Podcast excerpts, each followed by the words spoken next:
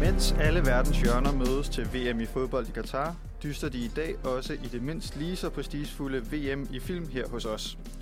Stemningen er spændt og fuld af håb her i studiet, og forventer vi verden over, når film fra verdens hjørner mødes i en dyst om æren af at være den ypperste filmkunst. For når programmet er omme, har vi fundet vinderen, og der kan kun være én. Velkommen til filmmagasinet Nosferatu.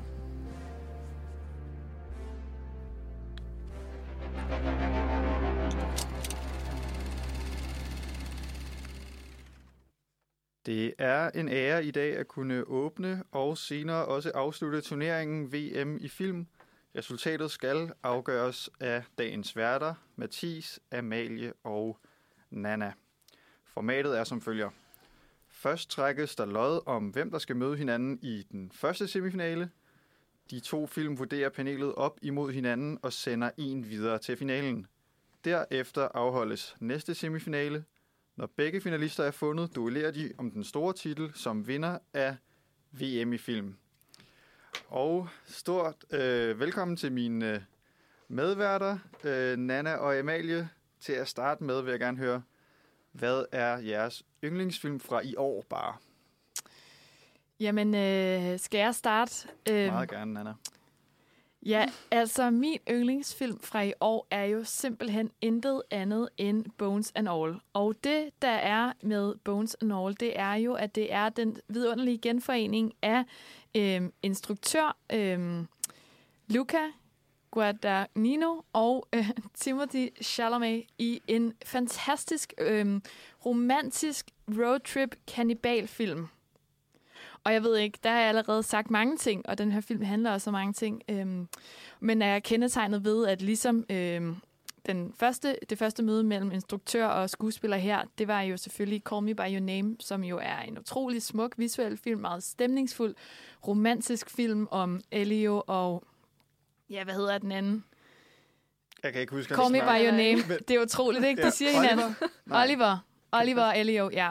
Oliver Elio øh, øh, kærlighed i øh, Italien en gang i 80'erne, og den her film foregår også øh, sådan lidt øh, tilbage i tiden, hvor vi følger øh, de to unge kannibaler, øh, Marin og Lee, der tager på roadtrip for at finde Marins far, og undervejs bliver forelsket i hinanden og spiser nogle mennesker. Har I set den, øh, Mathis og Amalie? Øhm, nej, jeg har øhm, planer med min veninde om at se den, for hun er stor fan af Timothy Chalamet. øhm, men Han ser også virkelig ikonisk ud i den her film. Det må jeg sige. Han ser faktisk mere ikonisk ud, end han gjorde i en Call Me By Your Name. Op. ja, det er Ja. virkelig... øh, Der er nogle ikoniske looks. jamen, vi har haft, jeg tror, tre gange har vi planlagt at se den, Okay. hvor det er blevet aflyst hver gang. Øh, men jeg skal se den næste uge, tror jeg. Altså- den 22. er planen nu. Et af de øh, looks, som jeg virkelig, som virkelig har brændt sig ind på nethinden, og som måske i sig selv er nok til, at den her film er den bedste nye film, jeg har set i år, det er, at øh, vi har, der er sådan, de har den her impuls til at spise menneskekød, og så står han sådan fuldstændig, han har sådan noget rødt, sådan mohawk øh, stemning, der er rød i spidserne, og så sådan en eller anden, øh, hvad hedder sådan en Hawaii-skjorte åbenstående, og så bare sådan blod over det hele, og vildt i blikket, og så sidder de bare, og så kører de bare ned ad landevejen i USA, med vinduerne nede. Og ser sej ud. Har du set den, Mathis? Jeg har desværre ikke set den. Den Jeg er selvfølgelig også på din liste over film, du skal ind og se her over jul og nytår. Det lyder sådan. Øh, jeg havde egentlig troet, om det var sådan lidt for uh, on the nose at lave en kannibalfilm for de her to, efter at... Øh, Ja, Army Hammers Ja. ja, ja virkelighedens kalibal, øh, som jo spillede Oliver i Call Me By Your Name. det I er hvert fald. utroligt, han er den eneste, der ikke får øh, gengang i den her Ja. Øhm, ja, det havde faktisk lige været her, og det gør det jo, at det, det, det er jo faktisk lidt grotesk, at der har været hele den her sag om Army Hammers uh, tendens til at spise menneskekød, og så laver de så den her film øhm, uden ham senere. Det er lidt klamt. Det er... Altså, Men det ej, bliver er også- det at sige, at Eddie Redmayne undskylder for at spille øh, en trans Det er person. Men og så Timothy Chalamet kan spille øh, kannibal, selvom de havde en... et de havde virkelig en kannibale, ja. det er en god pointe. Ja. Det er en god pointe. Amalie, hvad er den øh, bedste film, du har set i år? Nye film? Øhm, Jeg har faktisk ikke set så meget nyt, som jeg synes var godt. Øhm, men dem, jeg ligesom kom frem til, jeg bedst kunne lide, har været to gyserfilm. Øhm, Jordan Peele's Nope og Barbarian, øhm, som kom på streaming, tror jeg. Okay. Øhm, ja, Jeg har ikke set dem, men er de ens? nej, ikke rigtigt. De er bare gode. øhm, altså, Nope er sådan en sådan lidt alien-film. Eller det er en alien-film. Øhm, og Barbarian er... Øh, altså, hvad navnet øh, hentede til øh, noget lidt mere sådan makabert. Øh, Okay. Nede i en kælder. Nej. Øh, en eller anden lady, der går rundt og vil... Ja, hvad vil hun? Hun vil gerne være deres mor, tror jeg. Og en uhyggelig mor. Ja, oh, ja. altså mere sådan, sådan, hun er sådan helt klam og ser mærkelig ud, sådan lidt gollum-agtig, Ja. øhm, og vil gerne sådan, altså sådan være deres mor og sådan give dem mælk og have dem fanget i sådan nogle Ej. buer og sådan Nej, noget. oh, lækkert. Jeg Øh. tror, jeg har set slutningen. Jeg tror, jeg har fået spoilet slutningen på den her på TikTok. Ja, ja, Øhm, ja, det så rigtig klamt ud, og jeg er jo virkelig ikke til gyserfilm, så øh, Men jeg tror, det er meget godt for publikum, når vi skal vurdere filmene her til VM, at de ved, at de har vildt klam smag. altså Nope er Øh, ikke klam. tag, hold den på Amalies banehalvdel. jeg er ikke, Du, det er bare jeg er ikke en ja, altså, jeg tænkte på Timothy, og så tænkte, kunne jeg slet ikke se øh, klam i sammensætning. Hvad med dig, Mathis? Hvad er den bedste film, du har set i år? Jeg så øh, den, der hedder Drive My Car. Mega, mega fed øh, japansk film, baseret på en øh, korthistorie-samling af Haruki Murakami, som den bare bliver flettet sammen på nogle helt fantastiske måder, så altså øh, alle de her temaer, der går igen i korthistorie-samlingen omkring, de, den hedder Men Without Women, og handler om øh, mænd, som af en eller anden grund er ensomme. Og de, der er mange af de tråde, der bare bliver samlet hos de her karakterer i filmen, som virkelig passer sammen og illustrerer den følelse, man kan have. Mhm. Øhm, Det er vel også lidt et callback til vores sidste podcast, vi lavede, ikke? For den er lang, ikke? den er vanvittig lang, men den kan holde det. det. Og det tror jeg også er fordi, at den er sammensat af flere forskellige historier, så der er ligesom flere øhm, bølgetoppe og dale at komme igennem, end bare i, hvis det var en øh, lang ark. Selvom der er gennemgående karakterer, altså øh, den her teaterinstruktør og skuespiller, som bliver kørt rundt øh, til sit arbejde af øh, en kvindelig chauffør. Og det viser sig, at de begge to har en masse traumer at snakke om, selvom det tager dem meget lang tid at komme til det punkt. har I set den?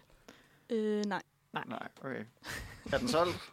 Det er jo et værd, der ikke er nok action i for sådan nogen som jeg. Ja, det er rigtigt. Er der ikke noget blod? Ingen lille smule Der blod? er ikke noget med noget modermælk eller andet øh, Klamt. klamt. Kannibalisme. Nej, Ikke en eneste kropsvæske overhovedet? det kan jeg ikke garantere. Det må der næsten være. Jeg tror, der er nogen, der græder. Okay, så begynder det er- at lige noget. Okay. Godt argument. For det vi skal er vel også øh, at argumentere lidt for de her film, ikke? Altså denne her store pulje af film fra hele verden, vi har med. Øhm, finde nogle gode argumenter for, øhm, hvem der fortjener at vinde æren af VM i film. Ja, det er jo en del af kunsten. Altså, det skal selvfølgelig være en god film, men vi skal også kunne finde ud af at overbevise hinanden om, hvad der så er den bedste. Fordi der, er, der kommer kun til at være gode film med. Ja, altså, der er ikke nogen decideret elendige. Der er ikke nogen, der er kommet med på et afbud. De er alle sammen valgt, fordi de har merit til at være her. Selvfølgelig. Ja, det er klart. Ja, og nu er det blevet tid til at øh, få skudt gang i VM i film. Vi står her med øh, alle kandidaterne fra hele verden og ryster dem i, kan I høre det, deres små øh, skåle. Og nu skal de bede til, at lykkens øh, gudinde tilsmiler dem, fordi vi skal have trukket hold, eller land nummer 1 til semifinale nummer 1. Vær sko træk. Okay, øhm, skal jeg have æren af at tage den første? Du må gerne. Okay, så her der dykker jeg simpelthen ned i øh, Europaskålen okay. med de europæiske film. Yes. Og øh, den film, jeg har trukket, øh, der skal repræsentere Europa, den er fra Frankrig, og det er Portrait of a Lady on Fire. Godt trukket. Stærk, stærk, stærk start. Det bliver hårdt at se, hvem der skal op imod øh, europæiske, det europæiske bud. Men jeg tænker, at, øh, at der er jo mange kontinenter i verden, der er kendt for at lave gode film. Så skal vi ikke øh, sende skålen videre? Øh, vil du ikke tage en skål fra øh, det næste? en skål. Jo, så trækker jeg øhm, film 2. Der skal, der skal op mod øh, Frankrig. Ikke? Og jeg trækker her. Øhm, og jeg har så trukket fra den nordamerikanske, øh, mellemamerikanske. Uh, med USA og så videre. Det Altså, er, ja, der er mange øh, stærke øh, kandidater i det felt. Øhm, vi skal så til Mexico Ej, øh, med Roma. flot film også. Utrolig spændende. Okay, jamen øh, Må jeg også trække en? selvfølgelig. Nej, skal vi vente? skal vi tage den her kamp først? Ja. Okay. Jamen, så det der i virkeligheden skal ske nu, det er jo, at øh, vi skal få afgjort, hvilken af de her to film, Roma og Portrait of a Lady on Fire, som skal gå videre til finalen i VM. Og for at gøre det, så skal vi nok først lige have på plads, hvad det er for nogle film, øh, og hvad der sker i dem. Og er der en af jer, som ligesom har en favorit, eller en, I gerne vil prøve at sælge, fordi I gerne vil have den i finalen? Øhm, der vil jeg nok sige, at min, min forhåndsfavorit øh, er Frankrigs Portrait of a Lady on Fire. Okay. Vil du ikke fortælle os lidt om, øh, hvad der sker i den, og hvorfor den er så god? Jo. Øhm, det er en fransk film øh, med en kvindelig instruktør, øh, Céline Sciamma. Øhm, og den foregår i 18-1700-tallet, tror jeg. 18-1700-tallet. Lang tid siden. De, ja, de har i hvert fald øh, nogle gammeldags kostymer på. Ja. øhm, og Og der, det, ja, sorry. Øhm, det er en, øhm, en maler, der bliver hyret til at male en kvinde, der bor ude på den her ø. Øhm, og hun er så blevet lovet væk øhm, til en mand, som hun så skal gifte sig med, men hun vil ikke giftes med ham. Øhm, og på det her tidspunkt var det så åbenbart en ting, at man ligesom fik malet et portræt og fik det sendt, så de ligesom kunne se, hvordan man så ud. Øh, men fordi hun ikke vil gifte, så vil hun ikke sidde øh, til portræt. Øh, så hende her, maleren, bliver så hyret til at male hende, men kun ud fra øh, hendes hukommelse. Øh, så hun skal ligesom gå rundt med hende og lade som om hun er hendes lady companion. Øh, men i virkeligheden har hun ligesom en, et dobbelt liv ja, ja. øhm, hvor hun skal male hende. Øhm, og så handler det egentlig bare om ligesom deres forhold og hvordan det udvikler sig gennem filmen. Så der er en lille spænding imellem dem, Mm. skal forstås. Øhm, ja, Amalie, hvis jeg må kommentere på, øh, på et hele taget bare på feltet, øhm, som sådan den første semifinale her, er det jo spændende, at det er to film fra to forskellige kontinenter, som begge to fokuserer rigtig meget på øh, altså kvindelige erfaringer.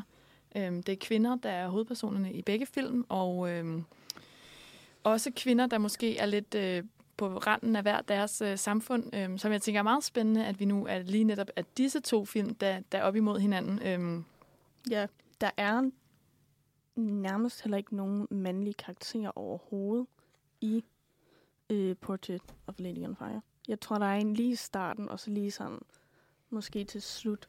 Men det er ikke sådan mm, nogen, der ligesom siger noget eller noget. Det er en kvindefilm. Ja, øhm, og deres forhold, helt klart. Og sådan er det jo også i Roma, selvom den jo også, øh, der også er mænd med. Øhm, der, er nogle, der er nogle shufter, og der er også nogle, der er børn. Øhm, men, men primært så fokuserer Roma jo øh, på øh, hushjælpen, eller øh, hvad hedder det, barnepigen Cleo. Det er en film fra 2018, som er instrueret af Alfonso Cuar- Cuaron. Godt. Ja, det ved jeg ikke, men, øh, men øh, han, er, han er har en lidt sjov, sådan, øh, altså ham som instruktør har en lidt sjov sådan, baggrund. Altså han har jo blandt andet instrueret øh, Harry Potter og øh, Fangen fra Azkaban fra 2004. Men også Children of Men og Gravity, som er den her rumfilm med George Clooney og Sandra Bullock. Men i Roma, der går han ligesom tilbage og tager af hovedstolen fra sig selv. Altså han øh, laver det her meget intime portræt, fra, øh, som er baseret på hans egen opvækst i 70'erne og 71 øh, Mexico City, og så med hende her Cleo øh, som hovedperson, som er hushjælpen, og det er en, en hyldest, en meget, meget smuk, øh, smukt visuel hyldest til det arbejde og den kærlighed og hendes liv i det hele taget. Øhm, og det, der også måske er værd at bemærke, det er, at vi har, øhm, øh, altså Cleo er spillet af en, øhm, en kvinde, som er øh, indigenous, øhm, som hedder øh, Jalitza, Apar Jalitza Aparicio. Og, og det er ligesom en ret sådan, øh, har været en ret stor ting, at have den repræsentation, at hun faktisk er spillet, og hun snakker også øh, det sprog, som øh, den her rigtig snakker, som hedder, øh, som er sådan et særligt, altså du ved, et originalsprog, som kom før øh, det spanske, før koloniseringen øh, af det, der nu er Mexico i dag. Så det er sådan øh, på den måde en, en film, der også har øh, repræsentation meget højt på, øh, på sin dagsorden. Ja, Mathis, hvad, hvor er du henne i denne her kamp mellem de her to film? jeg synes, de er begge to rigtig, rigtig stærke bud. Øhm, og jeg må sige, jeg går måske med lidt mere øh, varsomme skridt, når jeg taler om øh, Portrait of a Lady on Fire. Netop som I siger med, at der ikke er nogen mænd med. Jeg tror, på et tidspunkt er der en lille dreng, der ligger og prøver at lege lidt med ansigtet på en kvinde, der er i gang med at få en abort. Mm. Øhm, men jeg kan godt, altså, synes, den er virkelig, virkelig smuk og kraftfuld, og det er sådan, den er så øh, tilbageholdt, at det ender med sådan at blive helt skandaløs, når man på et tidspunkt ser dem øh, røre ved hinandens armhuler. Jeg kan mærke sådan, Ja. at mistede næsten vejret sådan, uh, det var, det var meget. Ja. Jamen, det er jo virkelig det, de kan, de der øh, sådan periodedramaer. Ikke? Det er alt det tilbageholdte og alt det der. Ja. Ja. Det usagte, så det, der bliver sagt, betyder så meget desto mere. Ikke? Og meget stille film, kan vi måske også sige. Øhm, Ja, vi har faktisk taget et klip her øh, med, som er fra en af de mest intense scener, hvor øh, de forsøger at få malet et øh, billede, hvor hun rent faktisk sidder model. Men øh, når jeg sætter det her klip på, skal I vide, at det er i gang. Jeg har ikke bare slukket. Det er bare så stille, filmen er også der. Selvom det er det mest intense øjeblik. Kommer her.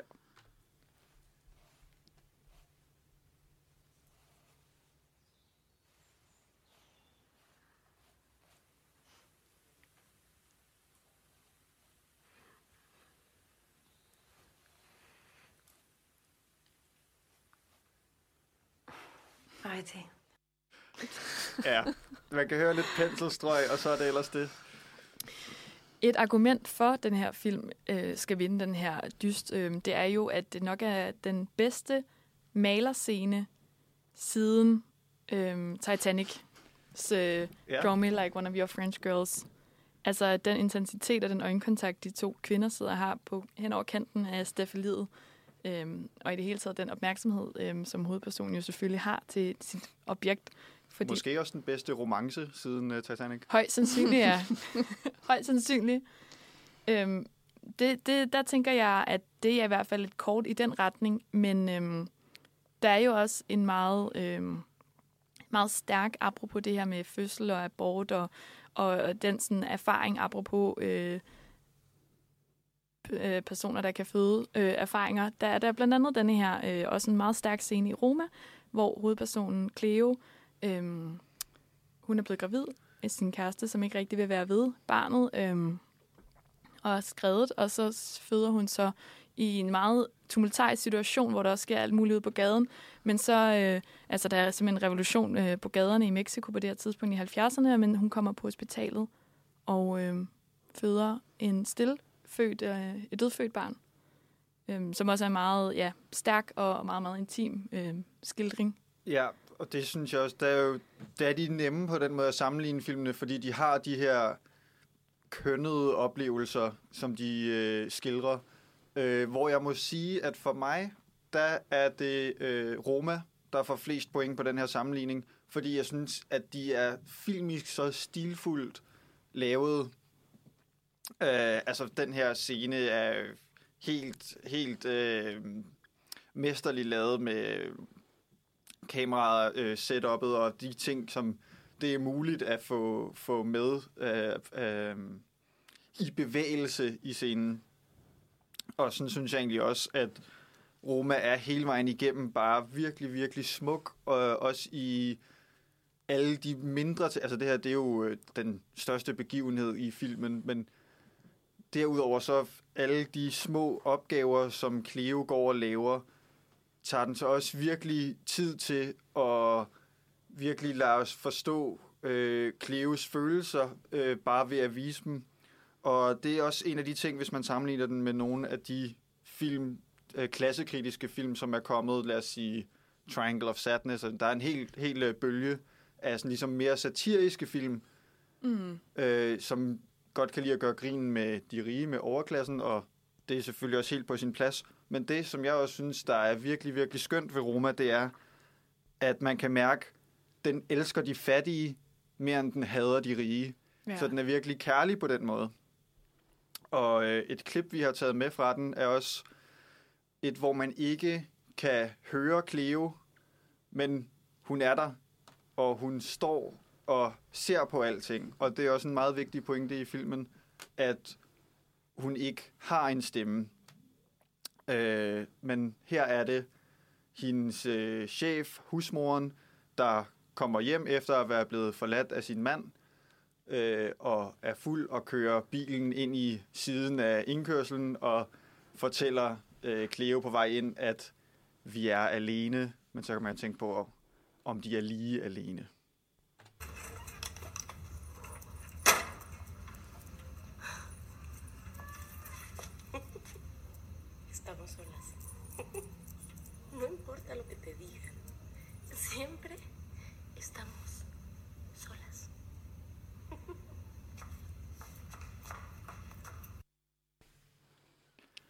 Jamen, og det er alle de her bitte små ting, som filmen skildrer så godt, at man virkelig kan i løbet af filmen bliver trukket længere og længere ned og kan mærke det så meget. Og det er, synes jeg, også virkelig fedt at se, fordi det er øh, også beskrevet øh, teoretisk øh, som øh, usynligt arbejde, som mange kvinder foretager. Og det virk, bliver virkelig, virkelig tydeligt, den følelsesmæssige bagage, der også kommer med de her opgaver, for eksempel at øh, rengøre toiletter eller fjerne hundelort for andre mennesker. Det kan godt være, at det er dit arbejde, og du bliver betalt for det, uanset øh, hvor god eller dårlig den løn så er. Men det er ikke ud over den fysiske akt, er det også et følelsesmæssigt, øh, en følelsesmæssig opgave, der virkelig... Altså, det er anderledes at gøre rent efter andre, end det er at gøre rent efter sig selv. Og Cleo tager jo også er altså børnene og er en, en moderfigur for dem i hele vejen igennem. Øhm, ja. Øhm, bare, for, nu er det lang tid siden, du sagde det, men øhm, at de her to film er rigtig sådan, nemme at sammenligne på mange punkter, fordi de begge to er, som vi hører i begge klip, meget stille film. Øhm, både i forhold til musik, men også bare, at der bliver ikke sagt særlig meget. Og i Roma er det især hende, Cleo, hovedpersonen, som næsten ikke snakker. Øhm, og i Portrait of a Lady on Fire øhm, er der generelt bare ikke særlig meget dialog. Øhm, ja, øh, nu kan jeg ikke huske, hvad jeg vil sige, men bare at, øhm, at især i Portrait of a Lady on Fire gør det så også her i, i slutningen af filmen, er der et meget langt klip, hvor at der kommer musik rent faktisk. Øhm, og for mig øh, var det bare sådan, gjorde det så meget stærkere, at jeg havde siddet og set en film med nærmest intet lyd, at der så lige pludselig var så meget lyd, og det gjorde bare, at man følte meget mere i det her øjeblik, og det var meget mere sådan intens. Men Amalie, er der ikke også noget lidt klichéagtigt over at fremstille to kvinders mm, kærlighedsrelation som noget, netop noget stille, noget skjult, noget, der foregår i det enkelte blik, det enkelte lille touch-hister her og sådan noget? Er det ikke også lidt sådan en lidt klichéfyldt øh, ting, der også er lidt genre-definerende på en eller anden måde? Sige ja, fordi jeg har et klip, der beviser det. ja, det var det, jeg ville på. Okay, her kommer et klip fra SNL, der beskriver, øh, hvor klichéfyldt den her film er. From the makers of Portrait of a Lady on Fire and Ammonite comes a new award winning film, Lesbian Period Drama. Another film that isn't afraid to ask Will these lesbians be lesbians together? Og I kan altså ikke øh, nægte, at det er det, filmen handler om. ja, ja. Altså, det er det en ting. Der er mange lesbian period dramas. Der er også The Handmaiden, som også øh, lesbian period drama. Ammonite med Saoirse Ronan og Kate Winslet. Ja, øhm, men de, de svinger sig i kvalitet, vil jeg sige. Øhm, og for mig er Portrait of a Lady on Fire, altså det er sådan perfekte måde at gøre det på. Øhm, og jeg synes faktisk, at, at det der med, at det hele ligger ligesom i sådan blikkene, og når man lige sådan strejfer hinanden og sådan noget, at, at fordi det er jo på et tidspunkt, hvor at, at det er så øh, altså forbudt på en eller anden måde. Også selvom de bare kun er dem på den her ø, så er det jo stadig øh, to personer, som lever i det her samfund, hvor de begge to godt ved, at det her er noget, vi ikke burde føle. Mm. Og så alligevel kan de mærke noget i bare det her strejf, eller sådan noget. Og det, det får mig altid til at tænke på i en af de mest øh, kendte scener i øh, Stolthed og Fordom, øh, hvor at øh, de lige, øh, hvad hedder han, Darcy, Ja. lige strækker hånden på øh, hende Elisabeth. Øhm, og det er jo også sådan en helt anden måde at udtrykke øhm, sådan noget intimt og følelser. For det behøver jo ikke bare at være sådan konstant, at de kysser eller krammer eller whatever. Øhm, men det kan godt bare være i sådan de her små øjeblikke. Og det så ligesom bare bygger op til noget mere. Mathis, nu synes jeg, du skal komme med et rigtig godt argument for eller imod, fordi Amalie har smidt øh, stolthed og fordom på bordet, så jeg er stolt. Er du på stolthed øh, Jeg er på... øh, på, på Portrait of a Lady on Fire ja, nu? ja. Nej, men altså, det kan man jo også godt forstå. Øh, Sight and Sound har lige øh, udkommet med deres øh, bedste film nogensinde liste, hvor den ligger øh, nummer 30. Meget flot. Øh, men jeg kan stadig bedst lide Roma. Øh, og det er både fordi, at... Hvorfor? fordi... Tror du ikke på mig? Nej, jeg synes, altså, jeg synes, den er flottere.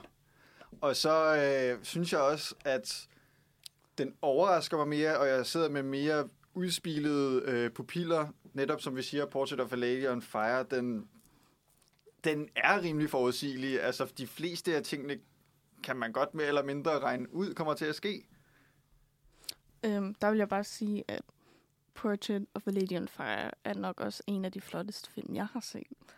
Øhm, på mange måder. Øhm, også fordi den, den handler om at male. Øhm, og de har så fokuseret rigtig meget på at øhm, gøre, at farverne er så klare som muligt. Øhm, så det, det ligner også en film, der er malet på den måde, at det også afspejler sig i temaet i filmen, og så bare det sted, hvor de befinder sig, er også så flot et sted, og de bruger rigtig meget tid nede på den her strand. Øhm, og det, det var for mig, øhm, synes jeg bare, at, at det gjorde mere. Øhm, og jeg, jeg er enig i, at Roma er rigtig flot. Men jeg, jeg er mere til øhm, farve og det, det sådan malet i det. Men nu er jeg også selv en, der maler rigtig meget, så jeg er måske lidt biased øh, i forhold til, at jeg, jeg bliver meget optaget af sådan noget. Ja, men nu er vi jo enige om, at de begge to er gode film. og begge flotte film. Det, Men vi skal finde noget, der gør forskellen. Og der er vi nødt til at sige, den grønne kjole, som hun skal have på i maleriet, den er hæslig. Hvor er det hæslige i den? Farven, formen, alt er galt. Okay, hvis det bare var en konkurrence... Man kan slet ikke abstrahere fra det. Fordi de har mega pænt tøj i Roma. Ej, det der- stand. Øh, er du mere til sådan noget sort-hvid stemning? Øh, fordi Roma er jo Sort-hvid. sort-hvid. Ja. Så er du, mås- du er ikke så meget til farver. Synes du, det gør noget for Jeg er filmen, at den er i sort-hvid? Gør noget godt? Ja. Ja, Okay. det ser lækkert ud. Det føles godt på øjnene. Jamen, altså, er der mere i det, end bare han har tænkt? Ja, Hallo, nu har jeg dengang alting var et essay. Alting var sort og hvidt i 70'erne. Det ved vi godt. Kom nu, vi laver det sort-hvid. Det er lidt kliché, og er det ikke også lidt kliché at have en hushjælp, som ikke siger noget, som er tavs? Men hun er ikke øh, tavs. Altså, hendes tavshed er skildret, så hendes tavshed kan larme igennem filmen mere, end den kan i virkeligheden. Det synes jeg også, man må sige. At, øh, jeg synes også, man må sige, at tavsheden den lammer meget i Portrait of a Lady on Fire. Der er det jo det, der ikke kan siges med ord, udtrykkes, ikke? som bliver udtrykt i blik, gestik, Ja. suk. Og selvom det måske er en kliché, så er det måske også bare fordi, at det godt kan være sådan, det er at blive øh, forelsket. Og Særligt hvis du var en øh, kvinde i gamle dage, måske. ja, uanset hvad, så øh, bliver jeg ikke sur over, hvis den ender med at gå videre. Øh, hvilket det lyder som om, fordi I to er blevet enige. Vi, øh, jeg synes, at øh, vi må sige, at det var en virkelig øh, tæt kamp, som øh, virkelig viste gode aspekter af, af begge film. Øh, godt repræsenteret for øh, Centralamerika. Også to film, der er meget ens. Og også to film, der er meget ens på den måde. Meget øh, interessant. Øh, Også bare handlingsmæssigt, at der ikke rigtig sker noget i nogen af dem. ej, det er de små gestusser. Roma, kan man sige. Ja, det er de små gestusser, der er centralt for begge film. Men øhm, baseret på, hvad jeg ligesom har hørt, øhm, så må jeg jo nok sige, at øh, det bliver Frankrig, Europas øh, kandidat, Portrait of a Lady on Fire, som vinder den her første runde. Stort tillykke til øh, Frankrig, og held og lykke i finalen. Og nu er det tid til at finde de to næste semifinalister. Nordamerikas øh, kandidat, meksikanske Roma, er desværre blevet slået ud. Og Europas kandidat øh, fra Frankrig, Portrait of a Lady on Fire, venter i finalen. Men hvem skal konkurrere om at møde Frankrig? Ja, vi har jo flere øh, kontinenter med i spil, så det kan være, at du vil gå videre til din næste, øh, Mathis, og udtrække øh, Ja, en deltager her. De mange sædler. Jeg har fundet en seddel fra øh, det afrikanske kontinent. Og det er blevet Sydafrika med District 9. Okay, spændende. Ja. Rigtig, rigtig god Meget. film. Meget anderledes. Skal vide, hvem øh, District øh, 9 skal, 9 skal møde. Øhm, det kan være, at øh, Mathis, du vil... Øh, Skal jeg trække igen? ja, træk du endelig igen. Okay. Så finder jeg den næste bowle.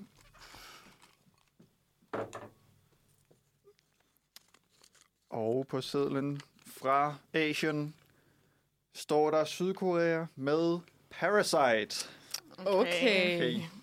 Stærkt. Vildt fed film. Kender I dem? Jamen selvfølgelig, det er jo to fuldstændig ikoniske øh, film fra forskellige tider og forskellige kontinenter. Øhm, sjovt, at vi er gået fra øh, en øh, meget øh, nær øh, kønnet øh, oplevelse de første, den første semifinale til en, øh, til en helt anden øh, arena her nu i den anden. Hvad siger du, øh, Amalie, til den? Mm, der er jo stadig noget til fælles i dem i forhold til sådan noget med klasse og, og noget... Ja, klasse er vel begge dele i øh, begge film, hedder det. Øhm, og noget generelt bare sådan samfundskritiske temaer. Ja. Det må man sige, Mathis. Hvad, hvad tænker du om, øh, om at de, det lige er blevet de her to film, der skal dyste mod hinanden? To vanvittige øh, stærke kandidater. Øhm, og ja, det bliver nok øh, klassekampen, der er sammenligningsgrundlaget øh, hovedsageligt. For ellers så vil jeg sige, at der er flere forskelle, end vi havde mellem øh, Roma og Portrait of a Lady on Fire. Men det bliver også meget interessant, altså øh, hvad der kommer til at afgøre det her. Øh, om det er smag, eller, eller hvad ved jeg. Ja, og hvor, og hvor meget det visuelle også ligesom kommer til at spille ind i et endelig vurdering af, hvem der skal møde øh, Frankrigs øh, Portrait of a Lady on Fire i, semi, øh, i finalen. Ja, og så har vi også en film her, øh, District 9, som er øh, 10 år ældre end de fleste af de andre, øh, så måske det kan spille ind. Skal vi lige, øh, Mathis, vil du ikke sige lidt om, hvad, hvad District 9 det er for en film, og, hvad den handler om? Jo, men District 9 udkom i øh, 2009 og handler om en øh, rumvæsens invasion af jorden, men slet, slet ikke som man kender det fra alle andre rumvæsen-invasioner. For det første så sker det ikke i USA, men det sker i Johannesburg i Sydafrika. Og for det andet, så er de ikke sådan vildt øh, agerige, voldelige øh, aliens, der ankommer, men mere sådan lidt mystiske, øh, formålsløse. De virker sådan lidt strandede. Ja. Øh, vi ved ikke, hvor de kommer fra, men de ender i hvert fald med, at, at, deres skib ligesom svæver over Johannesburg, mens de så øh, rumvæsenerne forlader skibet og øh, bosætter sig i Johannesburg, som ligesom øh, varetager dem lidt, som man kender det med flygtninge i Europa. Altså, der bliver oprettet øh, lejre, hvor de ligesom bor tæt sammen under, under dårlige forhold. Øh, det bliver ikke nødvendigvis øh, sagt, øh, at det ikke bare er sådan, de her aliens gerne vil have det, men det ligger, synes jeg, rimelig tydeligt i, at de godt kan lide også at have det lidt komfortabelt, ligesom mennesker. ja. Øhm, og de ligner til dels også mennesker. De er øh, to arme, to ben og et hoved, men Og de har familier Ja. og sådan noget. Så ja, altså de er ikke sådan helt øh, uforståelige på den måde. De her. nej, de, de snakker sammen. ja, med sådan Også. nogle klik, øh, et kliksprog. Ja. Mm. Øhm, men de bliver ligesom også de samme mekanismer, som man kender fra øh, racisme øh, rundt omkring i verden, kommer ligesom også bliver opbygget i sproget. Øh, vi følger den her karakter, der hedder Vickers, øh, fra MNU, øh, departementet af den øh, sydafrikanske regering, som ligesom skal varetage de her aliens på en eller anden måde, fordi de er blevet ret upopulære. Altså, der er nogle, kan man kalde det, kulturelle problemer, øh, voldelige sammenstød mellem mennesker og aliens. Og de har også, altså de har været der i hvad, 20 år Ja. eller sådan noget. Ja, og de, det er ligesom... Det er svært at finde ud af, hvad, man, hvad, hvad det skal blive til, fordi de, øh, de bor ligesom bare i deres egen ghetto. Øh, men ham, fra ham og øh, andre mennesker øh, forstår man blandt andet begrebet prawn, altså rejer, fordi at de synes, øh, rumvæsenerne ligner lidt rejer. Så det bliver ligesom deres øh, nedladende ord at bruge om rumvæsenerne, og ham her, Vickes, virker til at starte med sådan lidt øh, enfoldig, lidt simpel, øh, lidt som en sjov, klodset type. Øh, det bliver skildret starten af filmen i øh, mockumentary-stil, som vi kender det fra The Office osv., hvor man lader som om noget er en dokumentar, øh, men det er det i virkeligheden ikke.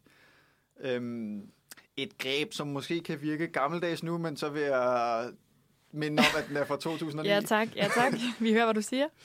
Øhm, men jeg har faktisk et øh, klip fra åbningsscenen, hvor man lige får en fornemmelse af, hvor sådan tilforladelig og enfoldig ham her Vickes øh, virker i starten. Yeah, because after, you know, after uh, last year's corporate, my wife was always encouraging me. You know, she said, "No, you did fine. You did fine in the corporate." I was a bit nervous. This little guy, hello, sorry. That's nice, eh? Yeah. Nice background with the people there. We are here at. Uh, must I look? Yeah, just there? look straight into the lens, right? Så der er noget øh, nedbrydning af den fjerde mur med lidt øh, mikrofonfnider, og han kan godt lide at være på kamera, og det er lidt, virke, skal forestille at være bag om scenerne på den her, det her indslag, de er i gang med at lave om ham. Men som handlingen skrider frem, finder jeg ud af, at han har i virkeligheden ret stærke holdninger omkring de her rumvæsener, og de skal bare flyttes til nogle øh, teltlejre, hvor de kan have det endnu værre, og slet ikke være i vejen for menneskene. Øhm, og det må gerne ske ganske voldsomt. Ja. Øhm, men under et, skal vi kalde det, besøg i District 9, som det hedder, der hvor øh, aliensene bor, får han sprøjtet noget mystisk væske i ansigtet, og begynder at udvikle en øh, alien-arm. Øhm, Og det er jo, altså det er jo så klaustrofobisk, den her kamp, hvor vi ser ham sådan, øh, altså det er jo mareridtet, ikke? Og som også er en trope, kan man sige det sådan, en trope i Alien-film, det der med, pludselig er Alien ikke noget fremmed, der er derude, men det er dig selv. Ja, god pointe. Og det, der så også øh, sker med det, er, at han så øh, får evnen til at kunne bruge rumvæsenernes kraftfulde våben, som øh, menneskene indtil videre ikke har kunne finde ud af at benytte sig af. Derfor bliver han til et jaget mål for industrien, fordi de vil kunne bruge ham til at løse den her gåde og låse op for en milliard våbenforretning. Så han De vil gerne forske på ham også. Ja, Og lave alle mulige eksperimenter, ja. Så han bliver jaget vildt. Og ender med at få brug for en af de aliens, han tidligere har mishandlet, til at hjælpe ham. Øh, og de laver en slags pagt om at hjælpe hinanden, og ender med at blive venner, måske. Øhm, så jeg vil sige et rigtig spændende bud på øh, en finalist, der ligger meget langt fra det, vi har snakket om indtil videre. Men øhm, Parasite lyder også som et, et uvelkomment væsen. Ja, det er det jo også, og det øh, er jo øh, altså en, en film, som jeg vil... Man kan måske godt sige, at det er en film, der har været snakket en, en hel del om, altså øh, fra, øh, fra 2019-filmen øh, Bong Joon-ho, som er den her øh, sydkoreanske instruktør, øh, har lavet den her film, som handler om en familie, en fattig familie, øh, som lever øh, i slum, og de prøver virkelig at gøre det så godt, som de kan, men, men de hostler sig også lidt igennem livet. Det er svært at få øh, en fod indenfor i de fine salonger og tjene nogle penge. De begynder at omveje og øh, arbejde for den her rige familie, som lever det liv øh, med de materielle goder, som man drømmer om, når man selv øh, sidder og bor i en lille lejlighed, hvor der er oversvømmelse over det hele, og man ikke kan få noget øh, ordentligt at spise, og alting er lort. Den her rige familie, som bor i et skønt hus oppe på toppen af bakken, de har nogle søde børn, øh, de har alle mulige fine fornemmelser, men øh, som alle andre familier også deres problemer. Øh, så er det egentlig det, at, at øh, den her fattige familie snyder sig til at komme til at arbejde for den rige familie, og snyder sig til lyver øh, om deres evner, deres egenskaber. En lader som om, at øh, han er engelsk tutor, en lader som om, at, han er, at hun er øh, kunst, hvad hedder det, lærer, Kunstterapeut. kunstterapeut. Ja. Øhm, deres far bliver ansat som øh, chauffør, og deres mor bliver ansat som køkkendame, og det der er, det ligesom, de presser de, de eksisterende, altså det eksisterende personale i den her rige families hus, presser de ligesom ud. De sådan sabot De saboterer simpelthen altså på ondeste manér, så får de saboteret øh, de, dem, der oprindeligt havde de her øh, jobs. Altså for eksempel sådan noget med at øh, chaufføren, i chaufførens bil ligger et par dametrusser, så øh, han tror, at han kører rundt, at chaufføren kører rundt og, og samler damer op i øh, hans dyre bil, og så får faren så jobbet, da han bliver fyret, og sådan nogle der ting, ikke? Eller... Øh, øh, faker, at øh, køkkendamen er syg og sådan nogle ting, ikke? og vi er meget bekymrede. Og jeg synes, øh, den er utrolig... Øh, den, det er en film, der spænder over... Øh, der er selvfølgelig klassekritik og kritik af sådan, den sociale ulighed, der findes mellem de her to familier. Den rige familie bliver også på mange måder udstillet som, jeg ved ikke, man kan sige hyklerisk, men i hvert fald kun øh, solidarisk til et vist punkt med den fattige familie. Øh, der er hele tiden de her hierarkier mellem familierne, som er meget, øh, som bliver eksplicit, som selvfølgelig også får en meget dramatisk og meget voldsom konsekvens i slutningen af filmen. Øhm, det er en film, der spænder over rigtig mange følelser i løbet af den film. Jeg når at grine, jeg når at sidde på øh, kanten af mit sæde og, være, og holde vejret og være bekymret. Øhm, den får mig til at tænke. Øhm, jeg ved ikke, øh, det der med at snige sig rundt i nogle andre menneskers hus, øh, som de meget gør, altså den er simpelthen, øh, den er nervepirrende, den er sarkastisk, den er sjov, den er tankevækkende, den er også drabelig, og øh, der er også et twist, som... Der er et øh, stort twist. stor twist, som jeg næsten ikke, øh, man skal næsten se for selv, men som i hvert fald også øh, understreger, eller det tilføjer en ekstra begavet dimension til det her drama, der er mellem rig og fattig i den her film, som jeg synes er utrolig øh, elegant og øh, fedt lavet. Så på den måde bliver man faktisk lidt i tvivl om, hvem det egentlig er, der nasser på hvem, hvilket jeg tænker er en meget øh, interessant pointe i forhold til, at det ikke bare er de fattige, der er onde mod de rige, men de rige nasser på en eller anden måde også på de fattige, og de er også afhængige af hinanden i sådan et kredsløb, som det jo er med en parasit. En parasit er jo ligesom afhængig af sin vært for at overleve, indtil den overtager det helt måske. Øhm, det var også en film, der fik øh, utrolig meget øh, hype eller medvind, eller hvad kan man sige. øh, den har... Øh, Det var vel den første udenlandske film til at vinde Best Picture til Oscars, eller hvad? Lige præcis, det var den nemlig. Og, og det siger jo ligesom noget om, at øh, døren øh, virkelig blev sparket ind øh, i den vestlige verden af den her film fra det asiatiske kontinent. Hvad øh, synes du om Parasite, Amalie? Øhm, jeg kan rigtig godt lide Parasite.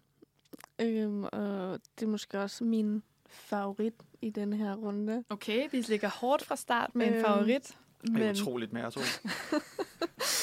øhm, men ja, altså, jeg så den i biografen, da den kom ud, øhm, uden at vide noget som helst om den. Øhm, hvilket jeg også tror måske er den fedeste måde at se den på. Bare gå ind til den, og så bare opleve, hvad der sker. Øhm, så jeg har... Det er jo så for sent for vores lyttere. Ja. Um, nu, nu er der også gået noget tid, jeg føler, at man burde have set ja, den. det... Øhm, men ja, øhm, det var en rigtig god oplevelse at se den, og jeg var rigtig glad for den, og så viste jeg den til mine forældre nogle, et år senere eller sådan noget. Øh, og det var lige så sjovt bare at se på dem se filmen, fordi jeg vidste, nu kommer det her, nu kommer det her, og så lige sådan deres reaktion på det. Øhm, men så også, at den, udover at være rigtig underholdende, er rigtig kritisk og har rigtig meget at sige. Øhm, og den er igen rigtig flot, men også på sådan en anderledes måde. At for eksempel arkitekturen spiller en rigtig stor rolle på mange måder, og bare, ja, det der lidt sådan gray area, øhm, begge den der fattige familie ligesom bevæger sig på, fordi man har jo medlidenhed med dem, men samtidig er man også sådan lidt... Kom. Ja, I heller ikke. Det er også sådan lidt det er creepy ikke over. helt sådan. Ja. Øhm, Der er ikke nogen rigtige helte. nej, men jeg føler, at ligesom, det er ikke slutscenen, men der er en scene i en have, hvor der sker noget, at det føler jeg ligesom sætter sådan ret meget punktum på, hvem der ligesom er den bedre familie i forhold til, nu vil jeg ikke sige så meget, jeg ved ikke om I ved, Altså det, jeg tænker på, det er der, jeg vil sige, øh, som trækker filmen allermest ned. At- Der, hvor der sker et uheld ude i haven. Ja, men så tænker jeg på, hvordan den rige familie reagerer på det. Øhm, hvor jeg føler, at det ligger meget op til, hvem der ligesom er skurken. Ja, Det er der, den moralske dom på en eller anden måde bliver fældet, øhm, men ikke til den rige families fordel, kunne man sige det sådan. Ja. Hvorfor, øh, hvorfor er det, at den her havescene, hvor der er det her, øh, den børnefødselsdag i haven, som er blevet præsent, som er meget fin, øh, og hvor alle de rige menneskers øh, venner jo også kommer for at fejre øh, den rige families øh, søns fødselsdag. Mathis, hvorfor trækker den scene, den øh, film ned for dig? jeg er enig i, at den er rigtig flot og rigtig øh, god og sjov. Men her går den over og bliver... Altså, jeg synes bare, den skifter fuldstændig genre på en eller anden måde. Altså, og bliver... Jeg ved ikke, om det er meningen, det skal være sådan en, en Tarantino-agtig, ironisk, overvoldsom scene, som ligesom fjerner... Altså, jeg synes, man er rimelig øh, investeret i filmen, men bliver så lidt, okay, nu er vi tilbage i biografen og kan forstå, at vi bare ser en film. Eller om, om det er meningen, at ja, den slags humor måske også bare er en del af øh, Bong Joon-ho's øh, værk. Altså, der er jo sket meget øh, mærkeligere ting i nogle andre af hans film. Ja, det tror jeg. Ja, og jeg synes også, at, at den lykkes med at være sjov, øh, både også den her film, i, i rigtig mange sekvenser. Altså, den, jeg tror, det jeg synes er meget imponerende med den her film, det er netop, at den spænder over så mange genrer, vil jeg sige, eller på en eller anden måde. Man er sådan, kontrakten, man indgår med filmen, skifter på en eller anden måde i løbet af filmen. Også fordi, når man starter med at se den, så tænker man, okay, nu, jeg ved, hvad det er for en slags film, jeg, skal, jeg Ja. ser nu. Og så lige pludselig tager den bare en drejning og skifter rigtig meget genre. Hvilket øh, jeg oplevede som meget øh, nyt. Øhm, men det kan jo også være, at øh, det også handler om, at den kommer fra en anden filmtradition. Øhm, mm, hvor at man kan sige, at District 9 måske mere be- bekræfter øh, sci-fi form- platformen, også med nogle af de, øh, netop som jeg allerede har snakket om. Det er meget klassisk for sådan en sci-fi-fortælling, det her med, at øh, den, der har været imod, pludselig bliver en del af, eller man, vi- det viser sig, at aliensene ikke har nødvendigvis har dårlige intentioner, det er bare mennesken, der skal lære at forstå dem. Det sen føler jeg er en meget klassisk sci-fi-trope. Det bedste andet eksempel, jeg kan komme på den, det er den øh, animerede sci-fi hjem, øh, hvor jorden er ved at blive udslettet af nogle onde, onde, meget firkant, trekantede aliens. Til slutningen af filmen finder man ud af, at det der er grund til, at de onde aliens er kommet til jorden, det er fordi, at der ved et uheld er landet et æg, altså deres børn er kommet til jorden, og det er bare dem, de har været ude for at få tilbage. Hmm. Så derfor er de slet ikke onde. De er bare misforstået. Hmm. Det er virkelig det, ikke? Ja, jeg vil sige, det er igen svært at sige med District 9, øh, om der er nogen egentlig øh, helte og skurke. Altså, jeg synes heller ikke, aliensene virker God. sønderligt sympatiske. Altså, de er også voldsomme og... og De er måske dårlige. bare ligesom mennesker. Er Ja, altså på mange måder. Øhm, altså, der vil jeg sige, at, at det er jo ligesom sådan en allegory for, hvad apartheid på Der et vist en- punkt. Og der er måske lidt et problem i, at den måde, de skiller de der aliens, så er at være sådan, at de er voldelige, og de er grimme, og, og Ulækre, de spiser klam mad. Ja. Øhm, Det er dig, der laver den kobling. Det er der ikke i filmen. øhm, ja, Det er en meget elegant film. Det behøver vi slet ikke. Men de er samtidig også altså, meget menneskelige. Øh, altså, de har familier, og der er det der baby, den der Ja. barn, alien, og de har sådan tøj på nogle gange, sådan kasketter og mærkelige ting. Så, altså, Det lyder meget ubehageligt, når du siger det på den der måde, faktisk. Okay. Jamen, er det simpelthen øh, District 9, der lige blev spillet til hjørne her? Ja, men, ja, ej, District 9, det kan jeg også godt indrømme, den er faktisk ikke lige så god som uh, Parasite. Fordi hvis man skal snakke om uh, at skifte genre, så dropper den jo på et tidspunkt det her. Mockumentary. Den har kører lige det første kvarter, og man tænker lidt, okay, nu har vi også forstået den her stik. Men så går den bare over og bliver en actionfilm ja. i uh, halvanden time, og så lige de sidste 10 minutter er det en mockumentary igen. Så der er, der er nogle skønhedsfejl i den også. Jeg, jeg synes også, da jeg så den, var jeg sådan lidt... Er hele filmen mockumentary style. Jeg var sådan lidt... Ah. Ja, det har man ikke rigtig... Når man ser de første 10 minutter, tænker man, okay, det kommer til at være lang tid at skulle sidde med det her. Men det er også, altså, når du så, da jeg så starten, var jeg sådan, nå, okay, det er det, den handler om, agtigt, at de skal sende dem Ja. ja. til det der andet district. Øhm, men så, så bliver den action lige pludselig. Ja, For det er en meget god præmis, det der også det der med, at aliensene har været der i lang tid.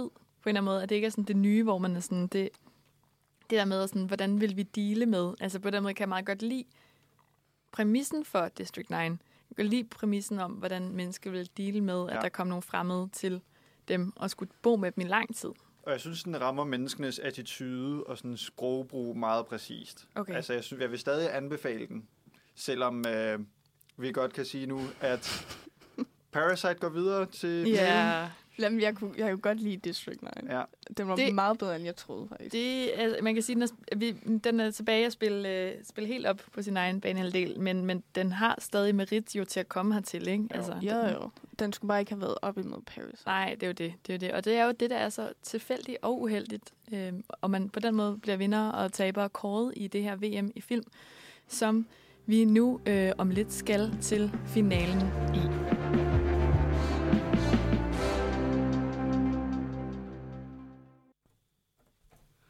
Velkommen tilbage til VM i film, hvor vi skal til at have gang i finaledysten imellem øh, vores to finalister. Det var Parasite, der lige slog øh, District 9 ud, Sydkorea, der vandt over Sydafrika. To lande, der starter med Syd, øh, men som jeg ikke var i stand til at finde på noget sjovt at sige omkring. Øh, og den anden, det er selvfølgelig Portrait of a Lady on Fire, som slog Roma ud. Frankrig, der altså slog Mexico der. Ja, der var semifinal 1 måske lidt, lidt tættere end, Okay. end to f- i min, Ja, i Paris, min mening. Parasite er ret god. Den er svær at slå. Men øhm, det sjove ved den her finale er også, at filmene faktisk udkom i samme år. Og at det var som sagt øh, Parasite, der endte med at vinde Oscar for bedste film som den første internationale produktion øh, nogensinde. Men lige for nylig udkom Sight and Sounds to- 2022 reviderede liste over de bedste film nogensinde, hvor Parasite meget flot kommer ind på en delt 90. plads. Mm-hmm. Men til gengæld har vi altså Portrait of a Lady on Fire helt oppe på en 30. plads. Oh. Så øh, ja, der kan jo argumenteres lidt for og imod, og det er så også øh, det, vi skal i gang med nu. Øhm, og hvordan vurderer I, det bliver at sammenligne de her to film? Vi har jo snakket lidt før om, om kontraster og, og ligheder. Er det, er det to fuldstændig forskellige verdener, vi skal sammenligne nu? Der er jo noget med klasse i begge film. Øhm, det er jo selvfølgelig øh, på mange måder subtilt øh, repræsenteret i Portrait of a Lady on Fire. Men det er jo en, øh, en film, der også handler om forventninger til øh, særlige klasser, og den her maler, som lever et liv øh, i en anden social klasse end hoved, end hendes objekt for maleriet, men på den måde, der også giver en øh, frihed, øh, som jeg tænker måske er en meget... Øh, der er en refleksion over øh, det med at være en fri kunstner og leve på en måde, eller at være en rig kvinde og have nogle forventninger blandt andet til, hvem man skal tage som ægtemand, og hvad man egentlig har at sige over sit eget liv. Øhm, og det er jo selvfølgelig en meget subtil klassekritik, øhm, som også tæller meget ind i den her kønnede oplevelse, men hvor Parasite jo meget mere eksplicit øhm, sætter ord på forholdet mellem klasser, også i et samfund, som jo er meget mere lige vores eget nutidige her i Danmark, hvor vi står lige nu. Ja, jeg havde faktisk ikke tænkt så meget over øh, lige præcis det forhold i Portrait of a Lady on Fire. Øh, måske fordi, at de øh, hvad hedder det, opholder sig det samme sted og har mm. øh, det samme tøj på, og, og vores øh, kunstner har også øh, sin egen øh, hjælper, eller så er det øh, ligesom en af hjælperne i huset, der også er til rådighed for hende. Så jeg synes ikke, at det var særlig tydeligt for mig, at det skulle være to forskellige klasser. Men det er måske altså, symptomatisk, at en rig kvinde skal øh, giftes bort. Snarere end en, en hvad skal man sige, professionel, som kunstneren er. Ja. og igen øh, er vi meget enige herovre på fløjen. Øh, der blev bare sagt ja. Ja, og, og øh, på den måde, øh, så ledes klar til at gå ind i en diskussion. Men det er også, hvad er det, de vil os, de her film? Måske kan vi snakke lidt om det. Altså, hvad er det, de to film vil os?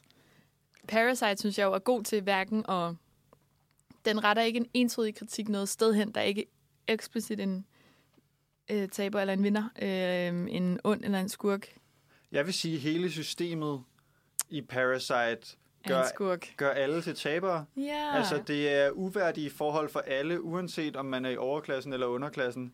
Altså, så, så er det bare svært at være sympatisk i verden. God pointe. Øh, god pointe. Ja, øhm, det kan Tag være. den Portrait of a Lady on Fire. Der er heller ikke noget at sige. Hvad vil A Portrait of a Lady on Fire gerne sin seer, Amalie? Ja, øhm, det ved jeg ikke. Fortælle en, en kærlighedshistorie. Men det er også, hvad skal vi med, altså hvad skal vi så ikke? Altså, altså, med, jeg synes, jeg synes øh, personligt, så viste den nogle ting, som man ikke ser særlig tit. Nu kom det til at lyde, som om det var oftere, fordi vi også havde Roma med, der viste nogle, øh, en fødselsscene, øh, for eksempel. mm, Men ellers så har øh, Portrait of a Lady on Fire et øh, anderledes blik, end man er vant til fra film, synes jeg, på øh, kvindelig seksualitet. Den har ligesom... Den berører en masse kønnede ting, altså med øh, menstruation, abort, øh, seksualitet. Ja, og så er den jo også, altså foregår 200 år tidligere Ja. end Roma. Øhm, så der er en del mere tabulagt øhm, over de her emner. Ja. Jeg synes, det er meget sjovt, øh, nu når vi lige nævner øh, Sight and Sounds liste der, at, at det faktisk, øh, at de har et meget fint øh, fokus på øh, kvinder i deres, altså, et, eller det er i hvert fald meget nice at se, at det for eksempel ikke er Hitchcock, der ligger på førstepladsen, men den her franske film. Øh, Ja. Af, Chantal Ackermann, er det rigtigt? Ja, lige præcis.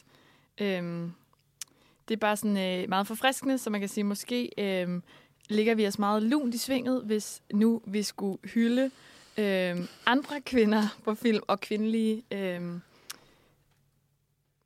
ja, Okay, Øh. så nu kan man vinde øh, VM på kvoter, eller hvad? Altså, jeg er, jo, jeg er jo kønsblind. Altså, jeg vurderer bare på, hvad der er den bedste film. Der tænker jeg bare, at øhm, måske at det, som øhm, denne her øhm, Portrait of a Lady on Fire kan, måske øh, er det noget en, en, en form for filmkunst, som måske hidtil øh, har været mindre værdsat, øh, og måske ligger Parasite på mange måder trods alt nærmere op af sådan en lidt mere klassisk forståelse af, hvad en god film er. Øhm, så det er bare, hvis man skulle være i tvivl om Portrait of a Lady on Fire, så det er måske, fordi man ikke er vant til den her form for subtile fremstilling af en kønnet øh, oplevelse, som vi ser i Portrait of a Lady on Fire. Og det synes jeg, vi skal hylde. Øh, det nybrud inden for, for film, og så vælge den som vinderen af VM i øh, film. Men hvad er det for et nybrud? Fordi vi har lige spillet et klip fra Saturday Night Live, hvor de udstiller, at det er så gennemtæsket en kliché. Ej, men det er det jo ikke. De nævner i det klip, at, at den der film, de har lavet, er instrueret af en mand. Ja, og det den er her- den her ikke. Er instrueret af en kvinde, og det kan man godt mærke rigtig meget.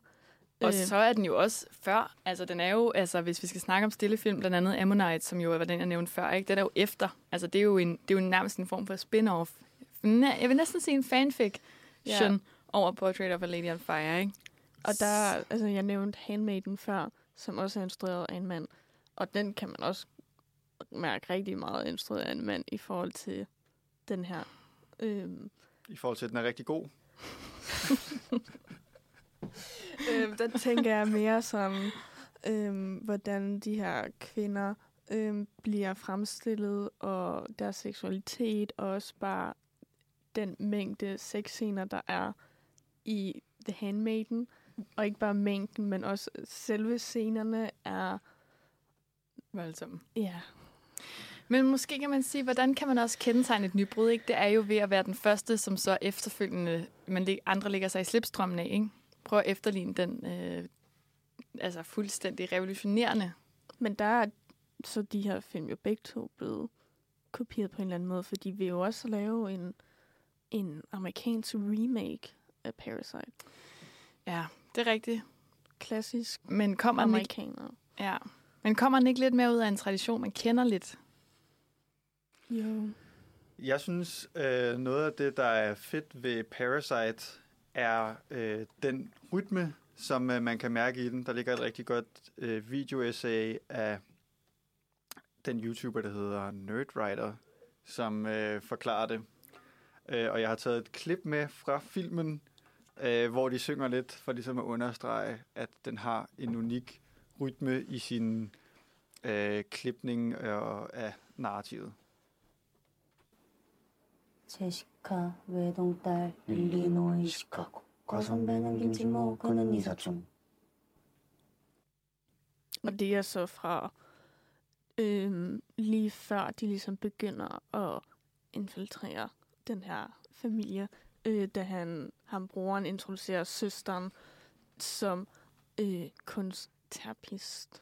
Så hun skal lige huske sin, sin historie der, fordi de ikke, de ved ikke, at de er i familie Nej, det er også det. Men øh, en, noget, der afslører dem, det er, at de alle sammen lugter fattigt. Ja. Øhm, er den samme på den samme måde.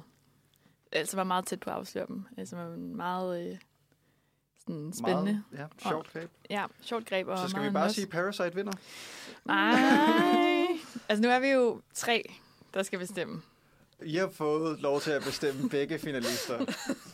Og det bliver bare Vi har ved med at være pigerne mod drengene. Ja. Altså, Det er den ene fløj mod den anden fløj. Øhm, ej, jeg synes, det skal være, altså det skal være, det skal komme an på, hvilken film, der vil øhm, mest med sit publikum. Ja. Altså, jeg synes, det er svært, for jeg kan rigtig godt lide Parasite også. Øhm, og det er nok sådan begge to nogle af mine top film. Ja. Altså igen, der vil jeg jo bare sige, jeg synes, der er jo noget... Øh, altså den oplevelse, som bliver portrætteret i Portrait of a Lady on Fire, er jo en, der ikke øh, kan ses nok endnu. Altså vi er ikke der, hvor den er blevet øh, helt mainstream endnu. nej. Okay. Men jeg vil sige, der er også noget med, udover hvad man viser, så hvordan man viser det. Altså Ja. apropos nybrud, så synes jeg, at der er så vildt en, øh, et flow og en kunstnerisk vision i Parasite, at det bør også til for en hel del.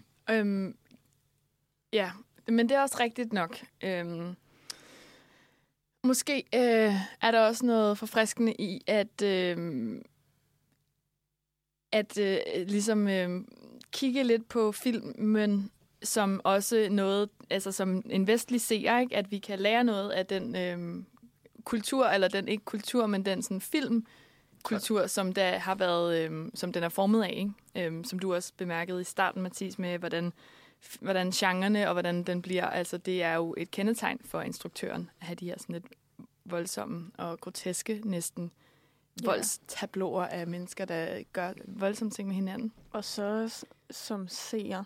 Altså nu, nu vil jeg ikke være Parasite forkæmper, men at som øh, tilfældig øh, seer vil jeg nok være mere interesseret i Parasite, når jeg så den. Mm. Fordi der rent faktisk sker en masse ting, og den er så... Altså, den kører bare. Øhm, og så tror man det her, og så sker der noget andet, og så noget andet. Hvor at, at Portrait of a Lady Fire er lidt... Altså, man, kom, man ved godt lidt, Det er virkelig det subtile... hvad der kommer til at ske. øhm, og der skal man måske være en person, som appreciater de der lidt mere stille, ikke kedelige, men langsomme film. Øhm, lidt sådan Så hvis folket skal snakke, så tager vi Parasite, eller hvad? Og hvis Oscar Akademiet skal snakke. Men hvis de intellektuelle Oh! skulle snakke... De intellektuelle. Øh, Har I ikke lært noget som helst af den klassekamp, vi snakkede om? Ja, men det er jo det. Øh, Nå, vi må give lidt i ny og næ. Op fra elfenbenens tårnet. Øhm, skal vi simpelthen øh, hver især stemme, afkaste officiel stemme på en af de to film, så vi kan få det her afgjort? Jeg kan godt starte. Men er det ikke on... Fordi... Du stemmer jo på Amalie. Hvorfor er det unfair? Ja, fordi vi, vi ved, at... Nej, nu, nu ved jeg ikke, hvad du vil stemme. Eller? Jeg stemmer på Portrait of a Lady on Fire. Du stemmer på Parasite, Amalie. Jeg kan se det på Nej, dig. fordi jeg kan stemme på Portrait of a Lady on Fire. Men, Men jeg synes også... men jeg synes også, at Parasite er rigtig god. Jeg stemmer på Parasite, så det er dig, der øh, afgør det, Amalie. Og jeg startede endda med at sige, at, at det var min yndlings. Parasite. Portrait of a Lady on Fire. Så vi har en form for rigged game kørende her. Puh, ja. Nå, men er det der, den ender, så... Hos Frankrig. Ja. Okay. Ej, men der må vi også sige stort tillykke. det må vi. Det er en, Godt, fandme godt kæmpet for... Øh, Ja. To finaler for Frankrig ja. Ja. ja. inden for en uge. Ej, men det er, det er godt lavet. Rigtig god film. Øhm, og tillykke med titlen. Bedre held næste gang til de andre. Rigtig godt kæmpet. Ja, ja. Fire virkelig øh, klassefilm. Er der ellers nogen, I øh, ville ønske, vi havde nævnt, eller som fortjener at være med i det her selskab? Øhm, ja. Hvad med dig, Mathis? Hmm, altså, Drive My Car er jo også en Ja. international film. Det må man sige. Uh, ellers så kan man jo tænke, altså, der er jo nogle virkelig fede traditioner mange steder i verden. Uh, Mm.